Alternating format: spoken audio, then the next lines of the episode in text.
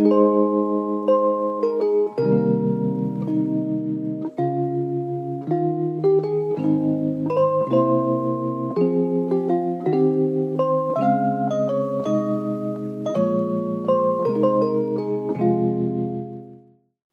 ini berkolaborasi dengan Agora Indonesia. Agora Indonesia adalah tempat diskusi yang aktif di Discord. Bagi kalian yang mau ngobrol seputar politik, pendidikan, isu sosial, dan lain-lain, bisa cek link di deskripsi. Terima kasih. Halo guys, welcome back to Redia Podcast. Di episode ini, gue ditemenin sama teman baru ya, namanya Ria. Halo Ria, kenalan dulu dong. Halo, iya nama saya Ria. ya kita, Saya, iya. oke, kita mau ngebahas tentang itu ya, parenting sama eh, peran internet buat perkembangan mental anak, kayak anak-anak zaman sekarang gitu ya. Nah ini gue udah nyiapin beberapa pertanyaan, mungkin nanti kita bahas ya. Yup. Nah, yang pertama itu bagaimana kualitas mental dan moral anak zaman sekarang dibandingkan generasi sebelum mereka? Gimana mau lu dulu atau gue? Eh, silakan kalau mau duluan, nggak apa-apa. Kalau gue sih, kalau menurut gue mental mereka mau apa ya secara kualitatif ya itu nggak apa ya berkurang sih menurut gue ya daripada mental mental generasi zaman dulu gitu. Atau mungkin yang tahun 2000 atau 1990 karena kalau dulu tuh menurut gue lebih tangguh ya. Kayak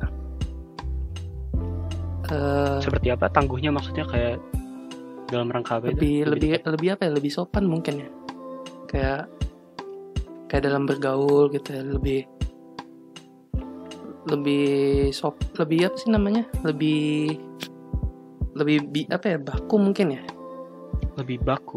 Oh, jadi Iya. lebih kayak maksudnya eh, informal gitu ya? ya lebih formal bergaul. mungkin ya bisa lebih formal bisa lebih Oh, oke oke. Dan ini nunjukin mental mereka lebih tangguh maksudnya kayak gimana itu lebih tepatnya? Saya masih kurang ngerti. Hmm. Dan gimana kalau mungkin kalau zaman dulu itu ada kualit kualitasnya tuh di mana kalau kalau dulu kan susah ya eh, buat nyari kerja, buat Yap. makan gitu apalagi 1998 kan. Dan generasi saat itu ya emang eh, udah udah terbiasa gitu. Kalau menurut terbiasa menurut gue eh, kesusahannya bisa bisa iya mungkin terbiasa dan akhirnya bisa nanganin itu kayak krisis-krisis pada tahun itu. Dan kalau sekarang kalau dibandingin sama generasi muda ya menurut gue kalau untuk hal-hal sepele aja kayaknya masih agak agak susah buat nanganin gitu ya kalau menurut gue kayak di salah satu kayak misalnya eh guru lah di di misalnya lu di dipukul sama guru gitu ya dicubit sama guru. Kayak kalau zaman dulu kayak nggak nggak ada yang ngadu gitu ya. Tapi kalau sekarang ngadu pasti. Hmm? kalau zaman dulu kan nggak nggak ngadu gitu kan. Kalau dipukul Iya, sama kayak- kayak ya orang tua. mungkin karena apa udah kayak terbiasa gitu ya jadinya mental mereka ya. Nggak, maksudnya kayak itu hal-hal yang yang seharusnya nggak nggak usah diituin sih nggak usah di apa nggak usah di diaduin gitu Kalau dipukul sama kayak guru atau orang tua itu maksudnya nggak perlu ngadu gitu ya. Itu sepele gitu. iya kayak dia bisa itu sih bisa kayak ya apa sih namanya introspeksi diri gitu ya udah kalau sekarang mungkin lebih kayak no itu salah kalian gitu bukan salah gue gitu Hmm. dan Ya ya. Oh sorry, selanjut lanjut. Dan kalau dulu tuh mungkin ada ada semacam itu ya tembok moral yang lebih kuat ya. Kayak dulu tuh kan kalau kuliah tuh apa kalau pacaran gitu ya pacaran tuh kan pasti pas kuliah gitu ya. Itu pemikiran orang tua sama anak-anak itu kayak lu pacaran tuh pas kuliah gitu. Atau mungkin kerja. Tapi semakin ke sini tuh lama-lama kayak ya makin berkurang gitu ya tembok moral itu kayak oh anak SD pacaran nggak apa-apa gitu kayak itu sekarang dilihatnya sebagai hal yang yang fine fine aja gitu Oke. Eh, ini apa yang masih saya kayak bingung maksudnya kayak moral itu lebih tepatnya apa itu? Kalau kalau mental kan maksudnya kayak ketangguhan kayak apa? Pikiran mereka gitu kan ya Mm-mm. dalam ngehandle kayak situasi-situasi. Itu kayak bisa saya konseptualisasikan gitu. Mm-mm. Tapi kalau moral itu lebih tepatnya apa gitu? Yeah, kayak right. definisinya bagi Mas Ray. Mm-mm. Kalau anak zaman dulu mungkin ya, kalau bisa dibilang tuh kayaknya lebih lebih sopan tuh. Kalau sama orang tua lebih sopan, sama eh, orang asing lebih sopan. Kalau sekarang tuh kalau gue lihat ngomongnya banyak yang kebun binatang yang jorok. Terus sama sama orang asing juga main asal eh, ajak berantem tuh ada gue pernah ketemu sama anak-anak kayak gitu. Dan ya itu kan moral itu kan moralnya lebih kualitasnya lebih berkurang daripada generasi sebelumnya Jadi kayak lebih ke perilakunya ya kalau moralnya ya, kayak perilaku mereka ke eh, apa orang lain gitu ketika berinteraksi gitu. Oke. Em, ini mungkin saya, saya, saya kayak saya kurang tahu gimana kayak cara kita ngukur ya. Kayak Hmm. maksudnya eh generasi dulu lebih moral, lebih apa maksudnya lebih sopan. Ini mungkin bisa aja kayak kasusnya hal yang kita lihat dari generasi dulu itu nggak terlalu ini apa bagian-bagian yang kita lihat itu yang lebih bagus-bagusnya gitu kan. Kayak saya kurang tahu aja hal-hal apa yang Mas Ray lihat gitu untuk nunjukin bahwa generasi dulu itu memang kayak lebih moral dalam rangka ini apa kesop- kesopanan mereka gitu kayak Mhm. perilakunya. Karena kayak bisa aja maksudnya kalau dulu tahun 90-an orang-orangnya kayak lebih apa? lebih kasar gitu maksudnya kayak dalam kata-katanya gitu. Tapi cara mereka eh, nulisnya karena kata-katanya lu gua itu misalnya belum ada gitu. Jadi mereka kayak masih gunain aku kamu atau kayak apa gitu. Jadi saya kurang tahu aja kayak cara kita ngukur eh, kesopanan gitu. Itu itu gimana caranya? Kayak apa ini dari pengalaman pribadi doang atau apa? Hmm, oke mungkin emang banyak ya itu ya yang subjektivitas di pernyataan gue sebelumnya kayak emang eh, penelitiannya gue juga belum tahu ya. Kalau menurut gue pengukurannya ini eh, utama sih pasti dari pengalaman pribadi gue ya. Dan eh, pengamatan gue dan gue ngukurnya ya dari kemungkinan dari itu ya dari persepsi orang lain juga gitu ya. Ya, ya makanya mungkin ini uh, ada subjektivitas yang kuat juga ini.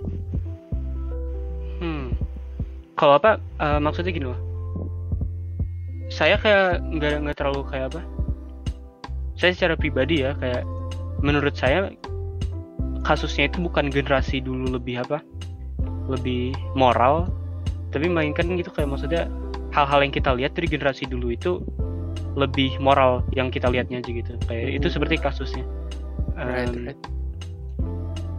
kayak saya, saya setuju gitu maksudnya kalau dulu sepertinya orang-orang lebih tangguh gitu mentalnya kayak apa dipukul guru mereka nggak nggak terlalu ngadu gitu Mhm. tapi ini apakah hal yang hal yang pantas kita kita rujuk gitu sebagai kayak apa mental mereka kuat. Mhm. kayak bisa aja kan maksudnya em, karena dulu saya saya nggak tahu dulu ada studi-studi kayak eh, depresi atau mental gitu ya kayak kasus-kasus kayak gitu. Eh, karena saya belum lihat kayak studi-studi seperti itu ya kalau dari zaman dulu ya bisa aja kayak banyak yang bunuh diri gitu kan. Itu kan jadi apa agak eh, tergantung budayanya kayak gimana dulu ya. Mhm. itu bi- bisa aja buruk ternyata kan kondisinya. Tapi kita nggak ngelihat aja gitu Iya benar. Hmm. Oke. Ya, valid valid. Oke mungkin berarti ya kesimpulannya emang kita emang susah ya buat buat eh, ngukur sesuatu yang ini agak luas ini luas ya Iya, luas, kayak- ya. menurut saya sih kayak kita bisa ngukurnya dari kayak ngelihat masalah-masalahnya aja gitu loh daripada kayak ngelihat seberapa baiknya. Kalau seberapa baiknya kan ada banyak banget kayak hal-hal yang bisa kita ukurkan kayak apa. Eh, mereka bahagia dalam situasi ini itu kan kayak ada banyak banget kan maksudnya kayak bisa aja di rumah. Kayak mereka lagi main sama teman-teman di rumah-rumah gitu kan kayak itu aduh, ada, ada banyak banget. Kita bisa lebih gampangnya kayak eh, menurut saya ngelihat kayak masalah-masalah yang ada gimana gitu loh. Kalau sekarang eh, sepertinya ada kayak suatu tren di mana uh, semakin maju suatu negara ya kayak semakin maju teknologi dan industrinya gitu ya Mhm. itu semakin banyak juga kayak apa kasus-kasus mental gitu. Kayak ini kan apa kalau nggak salah eh, orang-orang bunuh diri paling banyak kayak di Australia atau di mana gitu padahal itu negara maju. Tapi di Indonesia itu kayak eh, 10% orang-orang ke apa ke kelainan mentalnya eh, ini apa 10% doang gitu kan. Jadi ini ini menurut saya ada dua kemungkinan lagi kayak ini mirip juga kayak apa entah dulu nggak ada nggak terlalu banyak di studi gitu karena dianggapnya nggak terlalu bermasalah kan ya kayak budayanya. Mhm. atau kayak kita baru mulai nge-studi dan kita nemuin kayak apa semakin maju kan semakin apa eh, ilmu-ilmu sains-sainsnya juga semakin maju kan kayak aspek-aspeknya. Jadi apa kita semakin tahu apa oh kasus-kasus ini ternyata tinggi gitu loh di negara kita. Jadi ya ini bisa ke dua arah sih jadinya Oke oke. Kayak gini deh mungkin kita pakai perspektif baru ya. Eh, Kan dunia itu semakin berkembang gitu ya. Kalau zaman dulu itu ya teknologi kan nggak terlalu itu ya nggak terlalu maju dan banyak generasi zaman dulu itu ya nggak pakai internet mungkin ya nggak pakai HP nggak pakai eh, media sosial gitu. Tapi kalau generasi kita itu sekarang lebih lebih cepat gitu ya hampir semuanya make Iya. bahkan anak SD anak TK pun juga udah make Hmm. bisa bisa nggak kita eh, ngukur eh, pengembangan moralnya gitu ya kualitas moral mereka dari eh, peran HP HP gitu atau internet ini peran digital Eh, menurut saya bisa tapi kayak masih ada masalah tadi kayak maksudnya kayak ini ngukurnya gimana kalau yang positif positifnya kan tapi apa Mhm. kalau yang negatifnya menurut saya cukup gampang gitu loh kayak untuk dirujuk-rujukan kayak apa Em, dengan adanya kayak sosial media kayak kita bisa kita bisa cukup gampang bilang oh ini apa anak-anak jadi di sosial media terus gitu kan ya daripada Mhm. ngelakuin hal-hal lain ini kayak mereka jadi candu sosial media atau kayak ke konten-konten pornografi gitu kan ya kayak saya saya pernah lihat ada suatu studi gitu kayak ternyata anak-anak SD itu cukup mudah gitu loh. Kayak untuk mengakses apa konten-konten pornografi. Mhm. kayak mereka bisa ngelakuin di warnet atau enggak di di apa komputer teman atau apa gitu kan ya. Nah ini ini bisa dibilang sebagai kayak apa eh, moral anak-anak karena internet itu eh, di di apa jadi diperburuk gitu loh dalam rangka kayak apa perilakunya gitu. Ya jadi apa Em, bisa bisa kayak diukur menurut saya tapi eh, ya ukur buruk-buruknya doang gitu. Kayak ukur positifnya saya kurang tahu. Soalnya, soalnya kita bisa aja bilang kayak sosial media buruk karena mereka candu. Tapi di saat yang sama semakin banyak interaksi sosial gitu yang mungkin. Jadi mereka lebih eh, berhubungan dengan satu sama lain. Kayak maksudnya kayak lebih gampang kayak berhubungan satu sama lain kita bisa bilang ada pornografi banyak tapi di saat yang sama mereka juga bisa nyari informasi apa aja di internet dengan cukup gampang itu kan. Kalau ada negatifnya kita bisa ngeliat positifnya cukup gampang juga gitu loh. Jadi ya ukur positifnya gimana gitu loh untuk dibandingin ke negatifnya. Mungkin pakai kuantitas ya.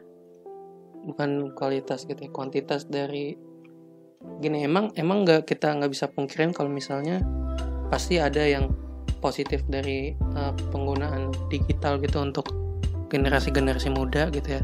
Gue lihat banyak yang pinter yang yang pakai teknologi banyak yang eh, yang punya yang bisa itulah yang bisa kerja gitu ya pakai digital. Padahal dia masih muda gitu ya. Iya. yang tapi kalau kita lihat ya kalau dari mayoritas pengguna digital sosial media gitu yang anak-anak generasi muda gitu ya itu kan banyak yang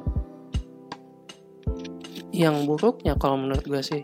Kayak banyak yang main TikTok untuk untuk joget-joget dan kecanduan Hmm. gitu kan. Banyak yang pakai Instagram untuk eh, untuk dapat dopamin gitu dari likes dari followers gitu ya jadi apa maksudnya kayak kita bisa ngeliat kayak seber- seberapa banyak orang-orang makai untuk kayak hal-hal yang bisa kita bilang negatif gitu dan seberapa banyak orang makai untuk positif itu. Kayak itu bisa menjadi satu cara maksudnya. Mm-mm. oh oke oke. Eh, mungkin bisa sih mungkin bisa ya. Kayak mayoritas un- untuk ide kayak suatu studi aja gitu kayak yang bisa dipeneliti. Apa coba. Eh, mungkin kayak seberapa banyak itu kan ya apa. Anak ngegunain sosial media untuk eh kayak menelusurin aja gitu kayak content surfing kayak oh ini keren keren cuma ngeliat terus aja seharian gitu kan ya kayak Mhm. mungkin itu bisa kita eh, telitian tapi saya tapi saya nggak tahu kayak studi mana pun gitu kayak yang eh, ngukur di Indonesia gitu kayak gitu saya tahu kayak ada beberapa yang di luar tapi di Indonesia kayaknya nggak ada deh menurut saya setahu saya. Mhm. Ya, ya kayak gue juga, gue jujur aja sih gue belum lihat penelitiannya juga ya. Jadi ini agak agak susah buat nge Iya, waduh. ngediskusiinnya juga. kayak eh, Kalau emang Nih, kita mau ngediskusiinnya pasti ada bias-biasnya juga sih. nah, kayak kita bisa kayak ke, ngomongin pengalaman sendiri aja gitu kayak maksudnya Mhm. eh, seberapa buruknya kayak dampak-dampak ini ke hidup kita sendiri tapi itu kan agak apa nggak terlalu ngejawab pertanyaan kayak kualitas apa eh, mental dan moralnya kayak zaman anak zaman sekarang gitu kan ya kan kita nggak tahu kayak seberapa tipikal kasus kita Mhm. Oh sih, em, oke mungkin gue ngasih tahu dari pengamatan gue pribadi kali ya. oke nggak apa dan mungkin ini cuma eh eh, you know satu bagian dari seluruh eh, lingkaran apa sih namanya one piece of a whole pie gitu ya Iya. kali ya tapi gue lihat banyak yang apa ya make TikTok make main-main yang game-game gue nggak mau nyebut merek kali ya yang tembak-tembakan gitu ya yang yang Mobile Arena gitu-gitu. Dan ya mereka toxic gitu lah. Kadang sering ngomong kasar kadang sering ngomong-ngomong yang eh iri bilang Oh. bos gitu kan. Kayak apa maksudnya mereka ngata-ngatain terus gitu ya? Iya. Dan ya itu kan nggak produktif dan berbahaya gitu ke depannya. Ya kemungkinan kemungkinan mereka itu kan eh, lebih lebih dewasa lagi ke depannya. Tapi kalau misalnya kalau misalnya mereka enggak gimana gitu kan? Hmm. Apa kesempatan mereka untuk menjadi lebih dewasa? Gitu Nah, itu ada penelitian lagi kali ya. Yang Iya, kita nggak tahu. Eh, jadi apa? Semakin kita coba ngejawab itu semakin kayak banyak pertanyaan kayak muncul ya maksudnya apakah seberapa banyak aksi-aksi yang dilakuin secara online gitu bagi remaja itu merefleksikan sikap mereka sebenarnya gitu kayak di, di ketika berinteraksi di luar game itu misalnya kan ya. dan kalau misalnya dengan sekarang teknologi digital gitu kan mereka menggunakan itu untuk mengembangkan mental dan moral mereka kayak apa kesempatannya untuk ya platform digital itu untuk berhasil gitu untuk membentuk mereka menjadi individu yang berkualitas Hmm. gitu. Like eh, mungkin kalau ada yang dengerin peneliti tolong get Iya, it tolong. Get with ya kayak we need the answers. ya emang eh, masih kurang ya penelitian-penelitian gitu ya buat media sosial gini. Iya rasanya kayak ke eh, tadi ya kayak kemarin dan tadi maksudnya ketika saya kayak untuk ngeriset kayak untuk topik-topik ini ya kayak apa pertanyaan-pertanyaan ini jawaban dari pertanyaan-pertanyaan ini sepertinya tuh riset ya- yang untuk apa maksudnya kayak yang menyangkut kayak eh, dampak internet atau kayak dampak parenting itu masih kayak dalam gak ada fakultas khususnya gitu loh. Kayak j- bukan jadi topik utama sepertinya Hmm. di di komunitas ilmu apa ilmiah Indonesia gitu maksudnya Iya iya. kenapa kalau kalau di luar setahu saya ada kayak apa badan apa kayak internet atau apa gitu kan maksudnya yang yang nge-studi khusus tapi kalau di Indonesia itu entah satu jadi apa eh, fakultas psikologi atau enggak jadi apa informatika atau kayak bidang-bidang Hmm. lain gitu kayak Iya, sebagai sub bidang Iya benar. Dan ya kayak mungkin itu aja kali ya. Emang kita belum bisa maju kalau untuk ngasih tahu tentang pengaruh internet dan digital gitu ya. Hmm. Tapi tadi eh itu ya lo eh, ngungkep tentang parenting ya. Kita, kita belum bahas. Iya. Right. Jadi gimana peran parenting terhadap pengembangan moral ya dan mental anak-anak zaman sekarang? Menurut dampak parenting. Mm-mm. Menurut lu gimana mau parenting? anda dulu atau mau saya maksudnya? Ya eh, mungkin gue dulu ya. Silakan. Kalau parenting zaman sekarang tuh kayaknya mungkin ada yang bagus ada yang enggak kali ya. Ada yang maksudnya bagus, tuh, dan enggak maksudnya kayak uh, ngukur bagus dan enggaknya gimana itu kayak Mas Rey? Mm-mm. Kalau yang bagus menurut gua itu mungkin lebih dibimbing kali ya. Dibimbing kayak oke ini uh, ini adalah teknologi gitu ya ini adalah ini uh, lu harus jadi yang kayak gini. A- apa? Gue rekomendasiin lu jadi orang yang kayak gini. Lu seharusnya jangan begini gitu. Itu menurut gue sih salah satu cara parenting yang bagus ya. Daripada lu cuma ngasih eh, barang-barang gitu atau keperluan anak gitu ya. Kayak anak lu butuh HP ya lu kasih. Anak lu butuh laptop ya lu kasih. Butuh internet kasih. Butuh uang kasih. Daripada harusnya ada itu dong. Harusnya ada edukasi juga gitu. Lu harusnya ada buat Hmm. buat mereka. Jadi apa implikasinya kayak ah, sorry. Jadi apa implikasinya maksudnya? Semakin ketat gitu? Kayak parentingnya itu berarti semakin Hmm, baik bukan Atau- maksudnya nah ket- Semakin- ketat juga nggak bagus ya kalau semakin ini kayak banyak. semakin, semakin langsung gitu ya semakin eh, terinvolve orang tuanya mungkin kalau menurut gua mungkin ada meteran interaksi gitu kali ya Heeh. kayak em, kalau setahu saya maksudnya kan ada ada kayak banyak parenting style gitu kan ya kalau apa Mhm. em, ada yang bener-bener nggak nggak apa nggak nggak termasuk ke hidup anaknya gitu. Jadi kayak apa mereka bener-bener nggak peduli. Ini ini bisa dianggap salah satu style parent- parenting kayak Hmm, somehow ya. Jadi apa em, ada yang free roam. Kayak maksudnya anak-anaknya dibebasin gitu. Kayak maksudnya mau ngelakuin apa aja kayak diperbolehin ini yang kayak tadi Mas Ray bilang tadi. Eh, jadi maksudnya kayak kalau kalau jujur ya kalau saya ngukur eh, bagus atau enggaknya parentingnya itu kalau saya ngu- ngukur dari kayak hasilnya kan. Ini hasilnya kayak Ah, anak-anaknya tumbuhnya jadi kayak gimana. Jadi misalnya eh, anaknya di parenting dengan style kayak apa bener-bener aneh gitu kayak aneh tapi anaknya tetap sejahtera ujung-ujungnya. Itu kayak ini bagus-bagus aja menurut saya berarti kan kayak apa nggak nggak terlalu bermasalah kayak style parent- parentingnya. Karena hasilnya bagus gitu kan. Bagus. Tapi yakin bagus atau kelihatannya doang bagus gitu? Oh iya kembali bisa lagi bisa kali ya, ya. kembali lagi ke ini subjektif juga sih ya kan kayak mungkin kita mikir dia bagus ya tapi dalam diri dia Hmm. gimana gitu apakah dalam diri dia ada kayak kayak masalah gitu kayak Iya, "Oh, iya. saya nggak suka ya ada konflik kayak internal gitu ya ya Um, mungkin ada problem dengan psikis dia gitu kan nantinya mm-mm. ya Mu- em, berarti kok kalau saya ngertinya gitu kayak apa eh, mereka kayak aslinya itu mentalnya sehat gitu. Mereka sejahtera mereka hidupnya normal kayak stabil gitu. Nggak ada nggak ada masalah besar gitu dalam kayak hidup mereka. Dan itu apakah itu bisa dibilang kayak style parenting yang bagus misalnya kayak hasilnya seperti itu? Hmm, gini ya kalau menurut gue kan tadi ada level interaksi gitu ya terhadap Hmm. anak terhadap orang tua gitu orang tua terhadap anak. Menurut gue yang bagus tuh yang di tengah-tengah gitu ya tidak terlalu banyak nge-surveillance gitu. Kayak setiap gerak-gerik anak itu di diatur gitu. Dan juga nggak terlalu nggak peduli gitu loh. Kayak mungkin dalam beberapa instansi lo bisa ngasih rekomendasi daripada dipaksa gitu ya.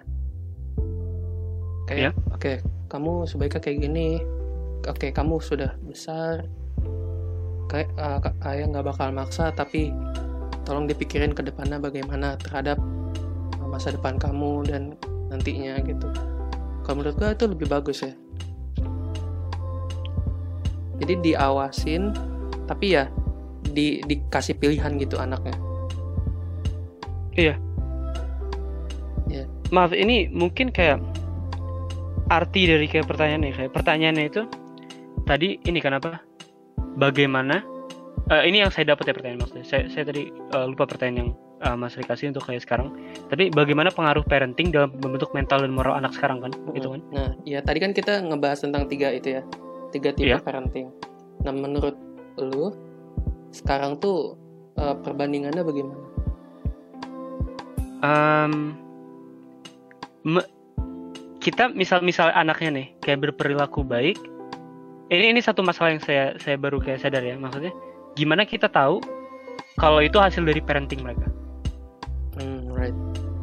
Kalau menurut gua sih, gue pernah denger ya kalau misalnya anak itu nggak bakal jauh-jauh dari orang tua mereka gitu sifatnya. Hmm. Dan kemungkinan besar sifat anak nggak jauh-jauh gitu. Kita bisa make eh, faktor itu untuk pertama, tapi ya banyak banyak faktor juga sih sebenarnya. Iya, em, kok sorry, yang saya tahu ya, yang saya tahu ini apa? Eh, ini ini saya saya nggak mau kayak nge nge-interrupt kayak jawaban Mas Ray tadi ingat ya. Kayak maaf ya misal kayak saya minta nge-interrupt. Tapi saya yang saya ingat ya, itu kayak ada suatu ada banyak ya, ada banyak kayak studi gitu kayak yang nunjukin bahwa anak-anak itu sepertinya nggak terlalu kayak orang tua itu kayak sosok orang tua sepertinya nggak terlalu berdampak sama kayak anak gitu kayak berdampaknya besar tapi kayak ada faktor-faktor lain kayak Mas Riti bilang yang eh, yang juga kayak ikut nge- ngatur eh, sikap sikap mereka gitu kayak misalnya kayak di di sekolah anak-anak bakal bilang kayak lu gua kan kayak lu gua kayak Hmm. kayak apa ngomong-ngomong kayak kata-kata kasar kan itu kan agak normal kan kalau di sekolah sama teman-teman gitu kan ya. Hmm. tapi kalau di rumah mereka nggak bakal ngelakuin itu kan jadi kayak ada ada divisi gitu antara hidup mereka di rumah sama orang tua dan divisi sama hidup mereka di sekolah dan setahu saya kayak implikasinya dari ini tuh berarti misal mer- mereka udah nggak hidup sama orang tua mereka lagi sikap-sikap mereka bakal em, bakal berubah drastis sama kayak sebagaimana orang tua inginkan gitu kan ya Mhm. Bener. jadi mungkin kayak aduh nih ini masalah peneliti lagi karena saya saya nggak tahu ada kayak aduh, ini ini apa kesimpulan podcast ini saya kita tidak tahu Yeah, we don't know because uh, Yeah. butuh penelitian juga ya. ya Em, Emang meneliti manusia tuh emang complicated gitu. ya, tiap faktor yang pragmatik ya. peneliti apa pun sih ya jadi em, kayak ki- rasanya da- dalam kasus orang tua ya kita tuh bisa ngambil kayak satu dari dua asumsi ya, entah entah orang tua nggak terlalu penting eh, dalam bentuk kayak mental dan moral anak sekarang atau orang tua itu emang penting. Dalam kasus pertamanya ya kita nggak bisa ngeatribusin kayak mayoritas aksi moral atau immoral ya. Yang anak ambil ke orang tuanya gitu. Kita nggak bisa bilang kayak oh ini apa anaknya baik banget. Itu karena orang tuanya. Kayak itu kalau kita asumsinya itu eh, orang tua nggak terlalu berdampak ya. Tapi kalau apa eh, asumsi keduanya ini berarti kita harus kayak mayoritas aksi anak kita bilang ini gara-gara orang, tuanya kayak menurut Mas Ray itu lebih plausible yang mana gitu loh kalau Hmm, untuk sekarang se- ini bagi Mas Ray antara itu ya posisi orang tua tadi ya.